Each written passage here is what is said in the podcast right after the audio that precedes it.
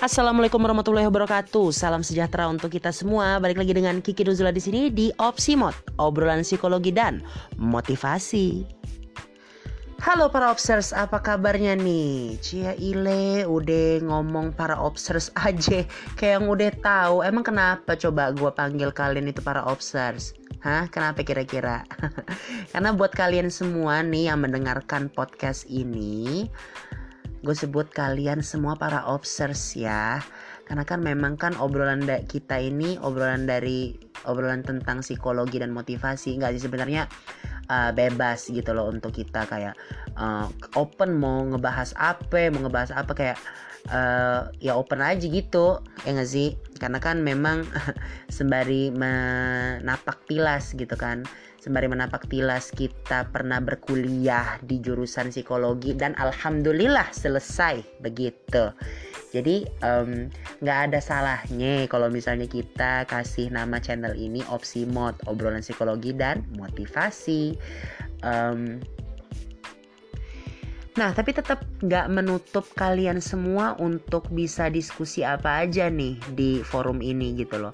Kalian bisa uh, tentang apa diskusi tentang movie or music because I love that.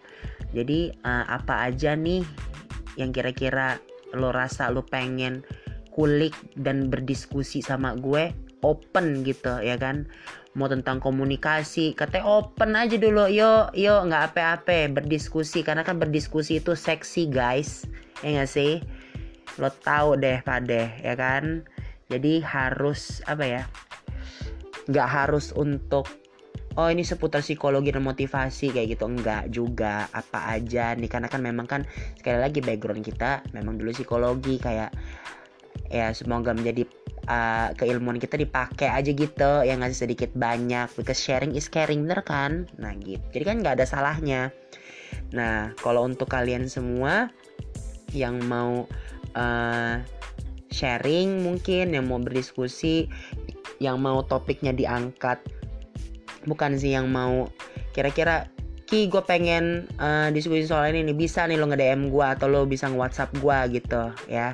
Jadi kita coba untuk ulik bareng-bareng gitu. Anyway, um, gue pengen cerita sedikit nih sebelum masuk ke topik kita kali ini.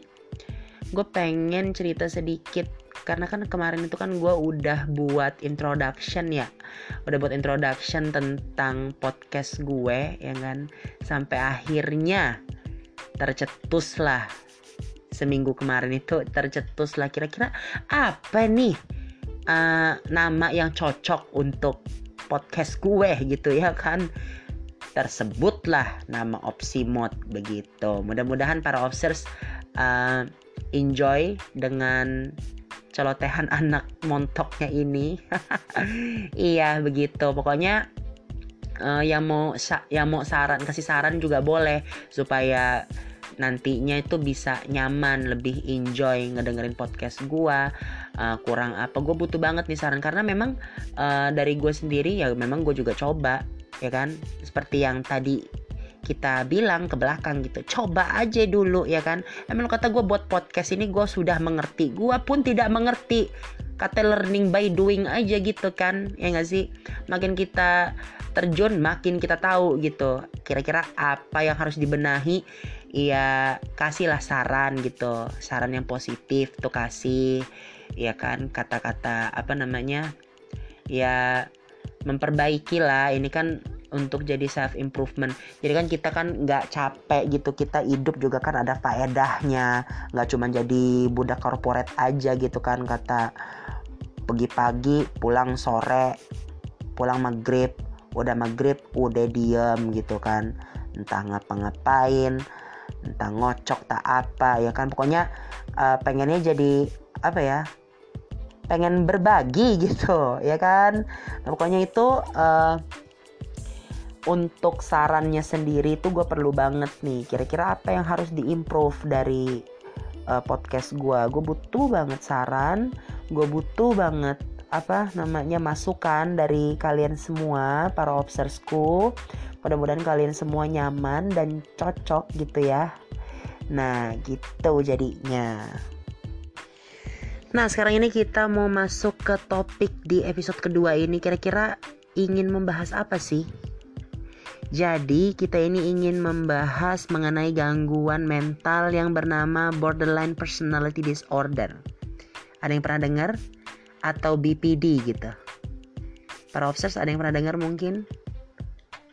Nah, kan uh, jadi sempat beberapa waktu kemarin itu gue itu iseng ngebuka YouTube. Ngebuka YouTube itu eh ada berita tentang Ariel Tatum. Nah, ternyata doi ngabarin kalau misalnya doi mau vakum dari dunia entertain karena ingin menjalani psikoterapi karena dia mengalami gangguan mental. Nah, kaget dong karena hah? Gua gua gua gini, uh, gua secara pribadi gue suka banget sama Ariel Tatum. Gila lo, selain dia cantik lu padeh nih, nih obsers yang laki-laki suka kan sama Ariel Tatum kan gila dia gemes banget nih orang ngegemesin gue udah ngikutin dia dari gue lebih sen, gue sering ngikutin dia waktu itu bukan ngikut ya sering nonton di acara sitkomnya Pondok Pak Cus waktu itu itu dia gemes gila ya kan? Jadi berperan jadi Cecil. Aduh bener-bener nyenengin gitu loh ngerti nggak sih? Nah dan ternyata dia juga tidak baik-baik aja gitu kan? Nah setelah gue lihat dari YouTube-nya wah Ariel Tatum terkena gangguan mental gitu. Jadi dia butuh pemulihan terlebih dahulu untuk makanya dia vakum gitu kan. Nah jadi waktu itu belum di apa ya waktu itu belum waktu itu di YouTube itu gak disebutin sih dia kena apa gitu kan. Penasaran dong gue ya gak sih? Mak karena uh, waktu itu pas di YouTube itu dia cuman ngejelasin tentang apa ya dia punya eh, ciri-ciri itu kayak ingin bunuh diri kayak gitu uh, perubahan mood yang uh, perubahan mood yang tiba-tiba kayak gitu kayak gitulah pokoknya. Jadi gue berpikir oh Ariel Tatum terkena bipolar kayak gitu. Ya nggak sih? Oh Ariel Tatum juga terkena bipolar kayak gitu. Terus setelah gue cek lagi di Google ternyata tidak terkena bipolar tapi borderline atau BPD nah lantas Kira-kira apa sih borderline personality disorder? Yuk kita langsung berkenalan dengan gangguan kepribadian ini. Nah, dari definisinya sendiri merupakan uh, borderline personality disorder atau BPD adalah kondisi psikologis di mana seseorang mengalami kesulitan untuk mengendalikan emosinya. Nah, jadi dari kondisi ini juga dikenal dengan sebutan gangguan kepribadian ambang seperti itu. Jadi untuk bahasa Indonesianya itu borderline ini dinamakan kepribadian gangguan kepribadian ambang. Ini pada umumnya ditandai dengan perubahan mood yang mendadak, tidak percaya diri dan kesulitan menjalani hubungan sosial. Nah, jadi untuk area nah yang kan yang gue lihat itu ya sebenarnya kan yang kita lihat ini kan persona ya orang-orang ini persona gitu gak menutup juga gue gitu gue juga pasti ada kita semua lah kita semua itu tuh ingin apa ya yang kayak udah kayak Ariel Tatum aja dia ada rasa insecure yang sangat tinggi gitu loh. Tidak memiliki kepercayaan diri sometimes gitu. Dan itu yang membuat dia jadinya um, terkena borderline personality disorder kayak gitu. Nah kira-kira kenapa sih seseorang itu terkena BPD atau borderline personality disorder. Nah, penyebab BPD sendiri itu pastinya secara pasti itu itu belum dapat diketahui secara jelas. Nah, tapi emang ada nih faktornya yang diduga dapat memicu terjadinya kondisi ini. Misalnya, antara lain adalah lingkungan. Dari sejumlah faktor lingkungan yang negatif itu diduga dapat menimbulkan Gangguan kepribadian ini contohnya kayak ada riwayat pelecehan seksual atau abuse semasa kecil atau bullying atau merasa dicampakkan oleh orang tua itu bisa terkena menjadi pemicu dari BPD ini. Lalu kelainan yang ke, lalu faktor yang kedua itu adalah genetik. Ini dari beberapa penelitian sih, ya kan gangguan kepribadian ini dapat diturunkan secara genetik. Jadi misalnya um, turunan gitu, misalnya kita uh, seseorang kayak gue terkena bipol uh, borderline personality disorder. Itu bisa terjadi karena turunan dari kakek gue let's say atau bokap gue yang terkena itu. Lalu yang ketiga itu ada kelainan pada otak. Nih mungkin uh, sedikit ya sekitar ada uh, sekitar 30% sih penderita BPD ini memiliki perubahan struktur dan fungsi pada otak, terutama pada area yang mengatur impuls dan emosi. Jadi pada penderita BPD ini juga terdapat kelainan fungsi dari zat kimia otak atau neurotransmitter yang berperan dalam mengatur emosi. Dan juga di faktor yang keempat itu ada ciri kepribadian tertentu, seperti tipe kepribadian lebih apa ya, kayak lebih lebih beresiko gitu loh untuk mengalami BPD itu misalnya kayak kepribadian yang impulsif dan agresif. Jadi uh, tapi uh, ke faktor yang ketiga dan keempat itu belum kedua, ketiga, keempat itu absolut dan uh, gua sih personal uh, lebih ngaruh ini ke lingkungan kayak gitu loh, lebih ngaruhnya itu ke lingkungan karena karena kan uh, karena yang gua yakin ini kan yang namanya manusia itu lo terlahir itu lo itu kayak kertas putih gitu loh ya kan? Lo nggak tahu apa-apa. Kayak kertas putih aja gitu yang benar-benar masih polos yang lo belum terbentuk lah. Nah kan kita ini kan sebagai manusia kan terbentuk karena adanya pengaruh lingkungan, karena pengaruh apa ya dari orang-orang yang terdekat, misalnya kayak keluarga, uh, atau dengan circle yang lebih luas lagi kayak tetangga temen lo. Ya which is lingkungan lah gitu yang memang benar-benar berpengaruh. Ini menurut gue kayak lingkungan kayak uh, perlakuan yang dari luar dari eksternal itu terhadap kita gitu loh. Sehingga itu yang me, sehingga itu yang namanya apa ya mengubah perilaku kepribadian kita kayak gitu sehingga itu yang terbentuk gitu loh. Kepribadian itu yang terbentuk seperti itu. Kayak ada riwayat trauma ada riwayat apa ya ada riwayat dulu pernah di abuse atau pernah disiksa gitu. Itu mengaruh gitu. Nah dari beberapa dari beberapa apa ya dari beberapa dari beberapa orang yang terkena borderline ini itu memiliki simptom atau gejala antara lain yang pertama adalah memiliki emosi yang tidak stabil. Misalnya, merasa sangat percaya diri dalam satu hari, namun kok tiba-tiba merasa sangat putus asa di hari berikutnya. Jadi kayak tiba-tiba gitu loh. Jadi untuk perubahan moodnya sendiri itu nggak stabil dan juga disertai dengan perasaan hampa dan disertai kemarahan. Lalu ada simptom yang kedua, sering kali mereka kesulitan untuk menjalin dan mempertahankan suatu hubungan. Jadi kalau misalnya memang uh, salah satu simptom atau gejala yang sering tampak ini uh, hubungan yang tidak serius gitu kayak yang istilahnya kayak yang lo putus nyambung putus nyambung putus nyambung kayak gitu. Putus nyambung. Pokoknya nggak ada yang beres lah dengan hubungan entah itu hubung pokoknya nggak ada yang mulus. Entah itu hubungan sama pasangan lo entah itu hubungan sama teman lo entah itu hubungan sama keluarga lo. Pokoknya ada aja konflik yang memang benar-benar fatal gitu lah dan lalu ada simptom yang ketiga itu sering kali merasa kesulitan dalam menjalin dan mempertahankan suatu hubungan dan juga um, sering kali melakukan tindakan tanpa memikirkan resiko dari perbuatan tersebut. Jadi kadang-kadang uh, orang yang terkena borderline ini cenderung nekat gitu, tidak berpikir dua kali seperti itu kan. Pokoknya uh, pokoknya gua harus melakukan ini sampai tuh orang itu sampai tuh orang itu ngikutin mau gue. Begitulah kurang lebih. Dan juga memiliki rasa ketergantungan pada orang lain. Jadi uh, lo uh, ke, orang yang terkena borderline personality disorder ini mereka itu memiliki rasa ketergantungan sama orang lain. Jadi uh, entah itu misalnya dalam hal uh, hubungan ya. Hubungan itu kayak yang harus bener-bener gue it's all about me. It's all about her or it's all about him kayak gitu. Pokoknya nggak ada orang lain. Even pacar lo juga nggak disuruh tuh untuk berteman sama orang. Pokoknya harus sama gue. Nah untuk pertemanan juga begitu. Lo nggak ada yang boleh berteman sama lo kecuali sama gue kayak gitu. Itu merupakan salah satu simptomnya. Dan lalu simptom yang berikutnya itu melakukan tindakan-tindakan yang dapat membahayakan diri seperti self harm atau berpikir untuk merencanakan tindakan yang membahayakan diri sendiri. Jadi, orang yang terkena BPD ini cenderung melakukan self harm atau penyiksaan terhadap dirinya sendiri.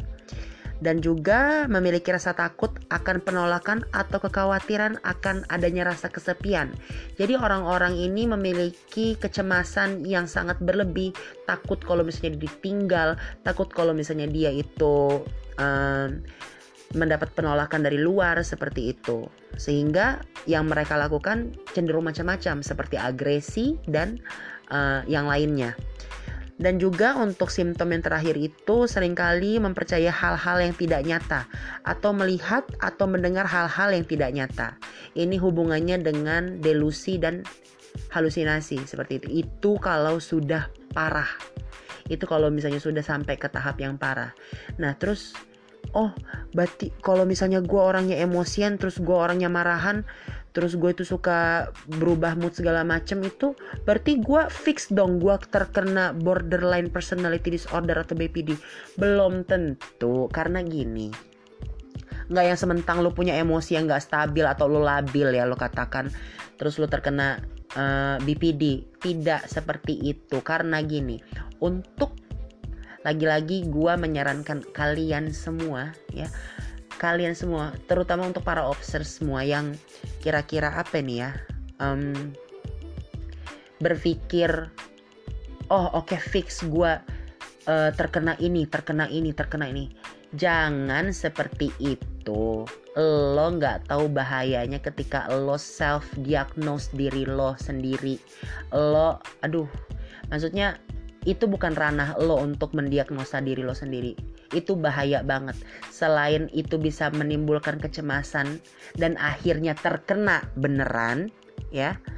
Itu juga bisa apa ya?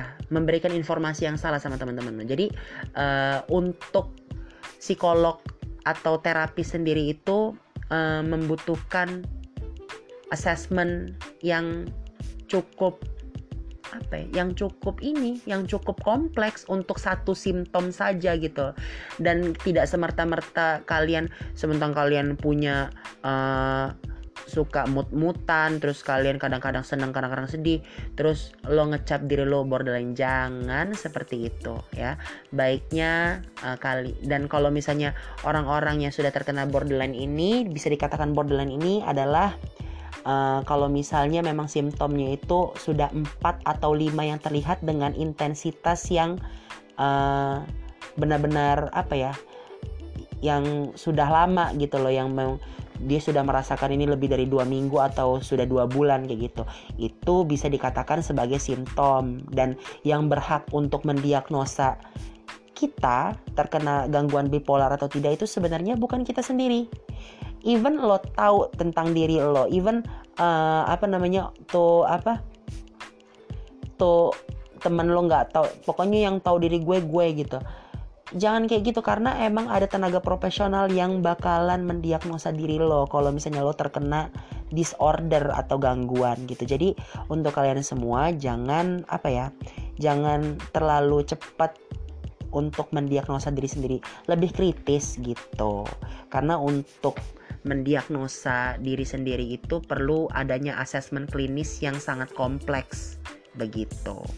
Nah, terus kira-kira gimana sih rasanya uh, orang BPD itu seperti apa gitu? Kayak gimana sih rasanya uh, jadi orang BPD itu?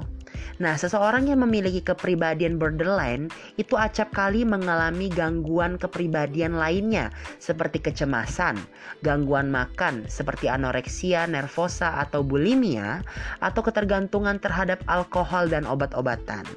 Nah, jadi untuk borderline personality disorder adalah suatu gangguan yang bisa membuat pengidapnya itu hampir selalu merasa khawatir, rendah diri, dan merasa ketakutan. Memang wajar kalau misalnya memang lo itu merasa cemas ketika hendak mengambil keputusan yang penting, misalnya, ya kan? Nah, tapi kalau misalnya emang lo terus-terusan merasa demikian atau dengan intensitasnya apa ya? Uh, intensitasnya udah lama kayak gitu loh.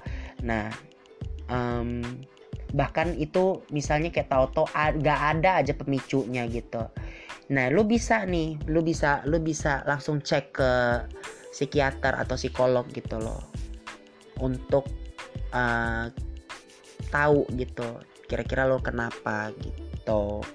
Nah jadi uh, misalnya kalau kena jadi uh, yang ada di bayangan orang-orang borderline itu seperti apa sih nih? Jadi gini lo bayangin saat di mana lo itu lagi kumpul sama keluarga nih lo bayangin Nah keluarga lo itu lagi ngobrol, lagi ketawa, lagi pokoknya hahaha hihi lepas lah. Terus tiba-tiba lo justru ngerasa sedih dan takut. Gak tahu kenapa lo ada pikiran untuk uh, merasa tidak dihargai dan tidak bisa menikmati lah intinya dari suasana itu.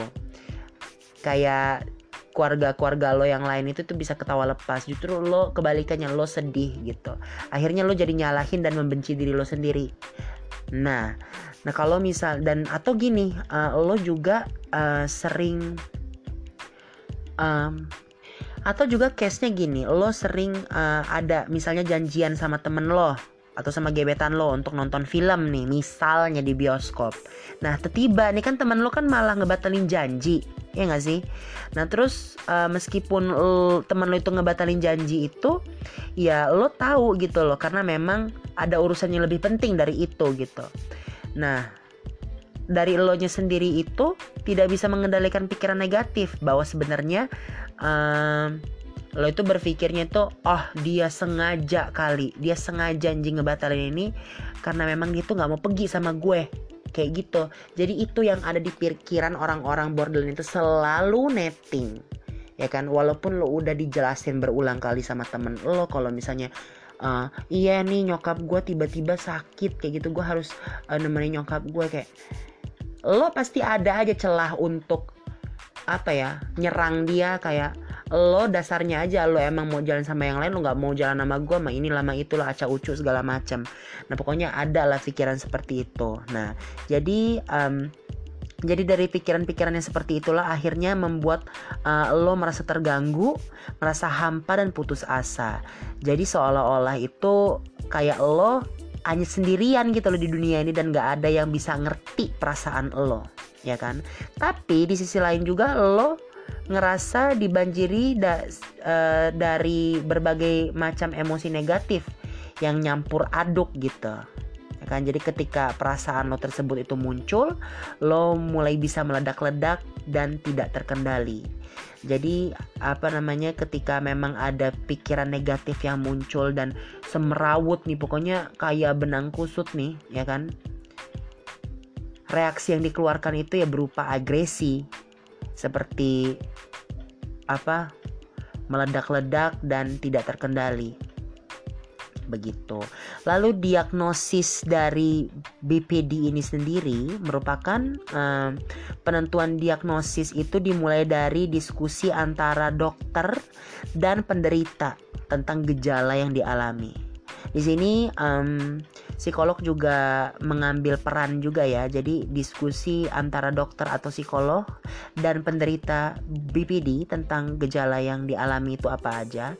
Nah, selain itu juga tenaga medis itu bisa menanyakan riwayat kesehatan pasien dan keluarga, termasuk juga kesehatan uh, riwayat apa nih ada gangguan mental dari keluarga mana maybe seperti itu Nah, setelah menemukan adanya perilaku yang tidak sesuai dengan pola gejala BPD dan menyingkirkan kemungkinan lain untuk lewat pemeriksaan fisik, dokter juga baru uh, pokoknya semua apa ya, semua rangkaian semua rangkaian dari fisik, psikologis, assessment, pengisian kuesioner ya kan, barulah tenaga medis bisa mendiagnosis kamu itu terkena BPD begitu. Nah, terus terus terus kalau misalnya BPD sama bipolar itu sama dong. Ya kan? Mesti ada yang tanya begitu. Iya sih, gue juga awal-awal juga nanya begitu. Tapi tentu saja beda Ferguson. Dari namanya aja udah beda, ya gak sih? Ya kan? Beda. Nah memang sekilas itu kedua gangguan ini memang sangat mirip mirip sangat mirip gitu Nah, tapi kuncinya di sini yang membedakan antara borderline sama bipolar itu adalah intensitasnya. Nah, pada orang yang terkena borderline itu mood swingnya ini akan ada terus ya kan? Beda sama orang yang terkena gangguan bipolar. Ada masa-masanya di mana mereka itu tidak merasakan gejala-gejala mania atau depresi sama sekali. Jadi mereka itu akan tampak tenang seperti orang pada umumnya.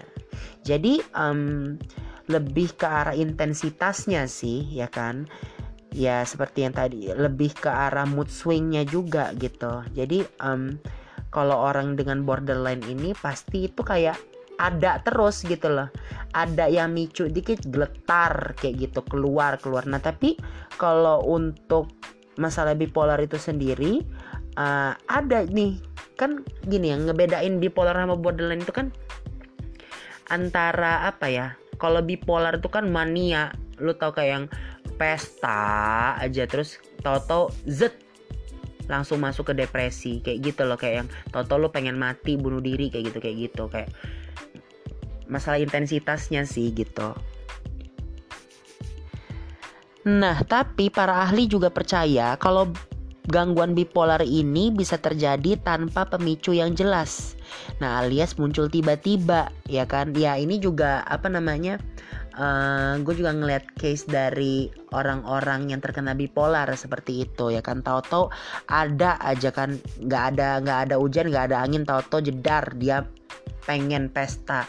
Tahu-tahu jeledar dia pengen ngambur-ngamburin duit. Tahu-tahu jeledar set langsung ke berpikiran ingin bunuh diri lah.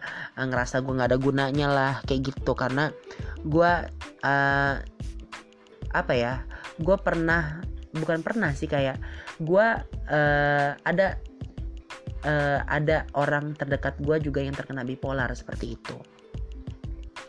Berbeda dengan borderline nih ya kan? Kalau orang BPD biasanya mood swingnya itu um, muncul itu ketika dipicu oleh faktor-faktor seperti konflik dengan orang-orang terdekat gitu ya kan?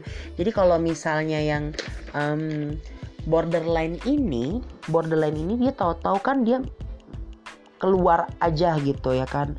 Nggak ada hujan nggak ada angin tau-tau keluar gitu. Tau-tau ya ya gue nggak tahu tau-tau kayak gitu aja kayak gitu kan.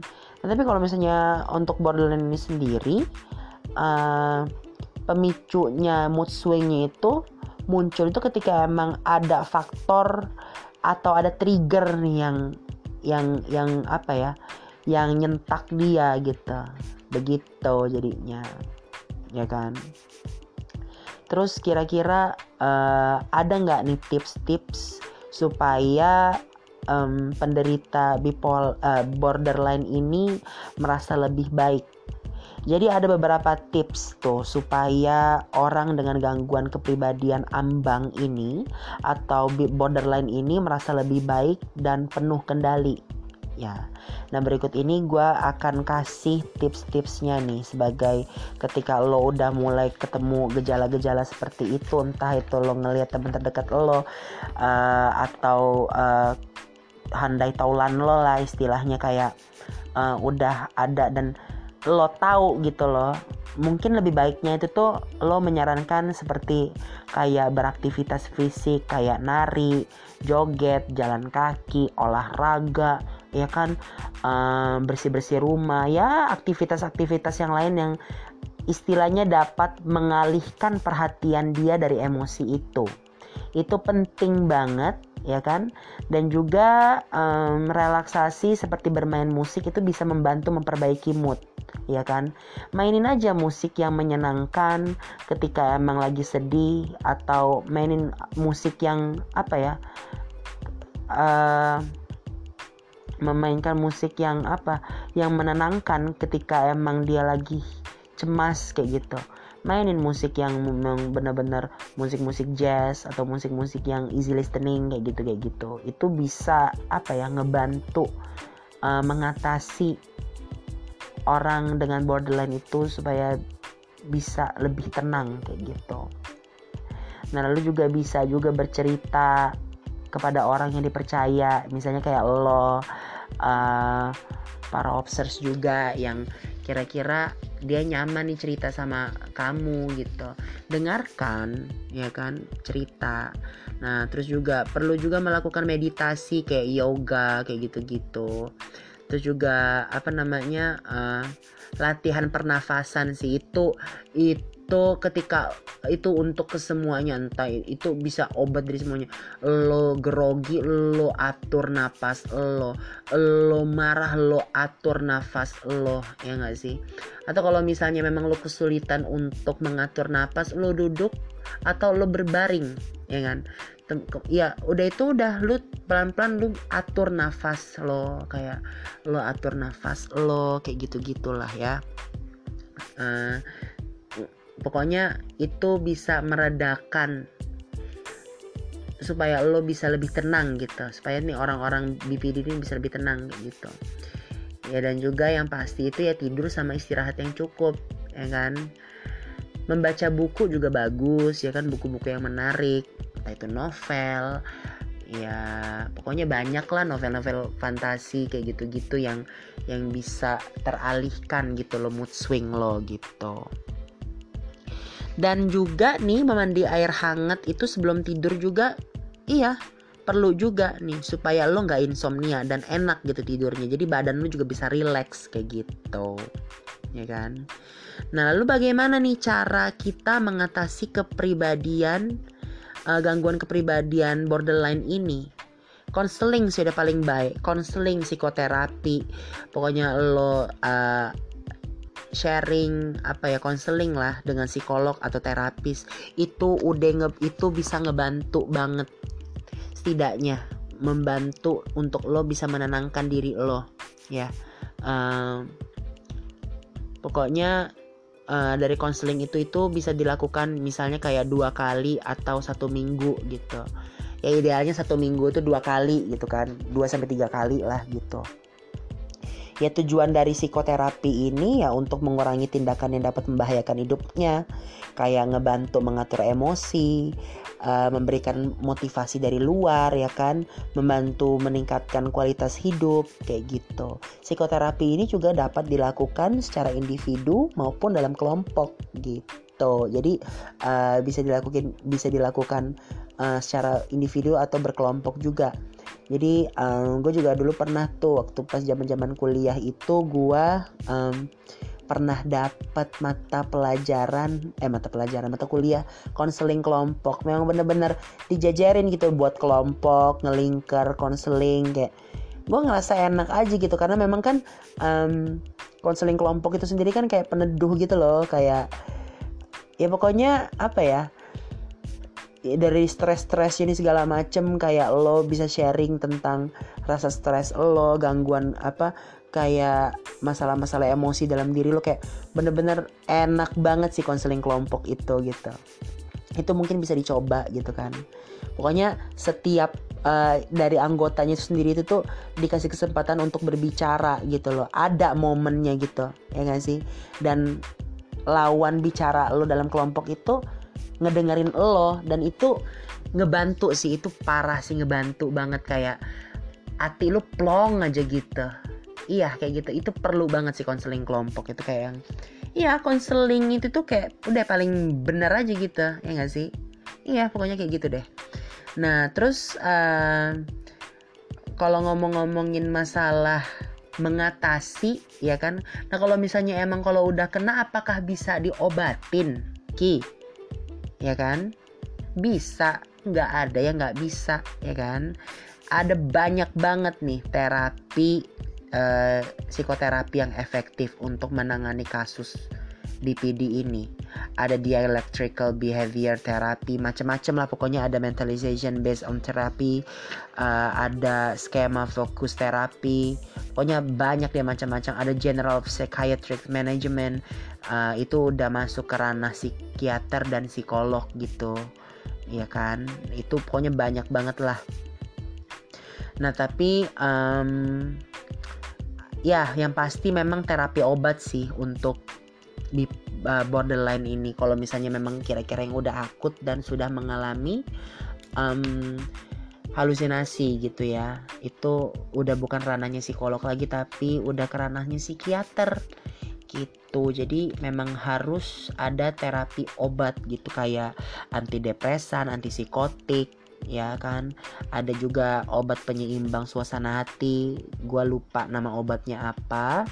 Ya pokoknya uh, di ranahnya psik uh, psikiatri lah itu kayak gitu pokoknya banyak banget obat-obat untuk uh, uh, untuk mengatasi suasana mood dan sebagainya dan sebagainya nah tapi nih di kasus tertentu uh, penderita BPD ini dapat melalui perawatan di rumah sakit untuk mencegah kecenderungan melukai dirinya sendiri atau mungkin yang lebih parahnya suicide atau bunuh diri. Nah, jadi kalau ketika lo masih punya kemampuan untuk bisa aware dengan diri lo, ya lebih baik lo langsung ke rumah sakit untuk better di opname gitu loh. Supaya untuk uh, menjaga-jaga melakukan hal-hal yang tidak diinginkan. Nah, proses dari pemulihan BPD itu kemungkinan akan memerlukan waktu yang cukup lama dan sesi yang cukup lama ya kan? Karena terapi yang dilakukan itu uh, biasanya itu berlangsung itu berbulan-bulan atau mungkin bahkan nih bertahun-tahun, ya kan? Nah, Nah ini juga penting nih supaya bisa berkonsultasi dengan dokter jiwa yang memang udah benar-benar punya jam terbang dan pengalaman yang uh, bagus tentang bipolar dan, tentang borderline ini yang misalnya dia biasa menangani kasus borderline ini supaya dapat membantu orang-orang yang terkena BPD itu untuk mengembangkan kepribadiannya ke arah yang lebih baik gitu. Nah, terus kalau misalnya orang-orang udah tahu dia kena borderline, ya kan? Jika tidak mendapatkan pengobatan yang sesuai, resikonya apa aja sih? Nah, resikonya itu dapat mengganggu berbagai aspek dalam kehidupan si penderita itu. Ya kan, kayak dia mengalami hubungan yang pokoknya konflik aja hubungannya itu pokoknya konflik aja. Sehingga itu membuat penderita borderline ini menjadi pemicu stres gitu dan juga um, kehilangan pekerjaan menghadapi masalah hukum, jadi kriminal, ya kan? Hamil tanpa direncanakan, serta kematian akibat bunuh diri. Banyak banget orang-orang yang udah bunuh diri gara-gara borderline ini. Gitu. Nah, selain untuk uh, selain gangguan apa ya? Gangguan dalam sosial lo, penderita uh, borderline ini juga dapat beresiko mengalami gangguan mental kayak depresi, penyalahgunaan obat, penyalahgunaan alkohol, gangguan kecemasan, gangguan bipolar, gangguan makan, PTSD, ADHD dan sebagainya ya. Jadi itu apa ya? Um, jadi kalau misalnya memang tidak ditangani dengan baik atau lo biarkan aja ketika lo sudah ditetapkan atau lo sudah didiagnosa sebagai borderline, kalau lo diam aja dan tidak melanjutkan pengobatan, maka itulah yang terjadi. Dan um, gue untuk gue secara pribadi gitu ya, untuk gue ngeliat akhir-akhir ini orang Indonesia itu makin aware dengan kesehatan mental, which is good, good uh, karena memang uh, isu-isu kesehatan mental ini nggak bisa disepelein kayak gitu uh, udah banyak juga campaign kayak stop bullying uh, anything lah pokoknya kayak yang ya gue gue senang gitu loh. Kenapa? Karena ya memang seharusnya memang isu-isu kesehatan mental itu nggak cuma diremehin dan dipandang sebelah mata aja gitu loh. Karena ketika lo um, otak lo terganggu, jiwa lo terganggu gitu. Dan bagaimana cara lo menyikap uh, berhubungan dengan orang? Bagaimana lo uh, bisa berperilaku dengan baik kayak gitu. Kalau misalnya memang dari apa ya? Dari elonya sendiri itu udah terganggu psikis lo mental lo sementara yang uh, yang memerintah semua. Lo melakukan hal buruk lo menciptakan perilaku atau pola makan yang buruk itu semua dari otak lo ya kan? Itu menjadi hal yang sangat penting untuk kita semua agar kita tidak apa ya semakin aware lah dan um, makin ke sini ya kita makin ngerti gitu loh supaya kita itu bisa jadi orang yang lebih wise lagi ya kan? Jadi karena gini um, kayak akhir-akhir ya udah beberapa tahun yang lalu nih kayak lo apa ya bisa nyablak aja sama orang kayak ya lo bisa nyablak aja sama orang tanpa lo memikirkan memikirkan efek atau impact dari dari kata-kata yang udah lo lontarin ke orang-orang itu ya kan? Lo nggak bakalan lo nggak pernah tahu kayak gitu. Dan dan mulai sekarang ini yuk kurangin untuk uh, menyakiti hati orang gitu. Kurangin untuk apa ya asal jeplak aja gitu loh ya kan? Asal jeplak aja tuh kurangin. Ya mungkin lo niatnya nggak sampai situ tapi kan nggak tahu hati orang itu bagaimana kita nggak tahu struggle-nya orang itu seperti apa kayak gitu walaupun memang maksud lo bukan ngejek tapi ya alangkah baiknya supaya kita lebih bisa menjaga lisan kita gitu Nah pokoknya um, sedikit cerita dari borderline personality disorder. Mudah-mudahan kalian semua mengerti apa yang gue sampaikan.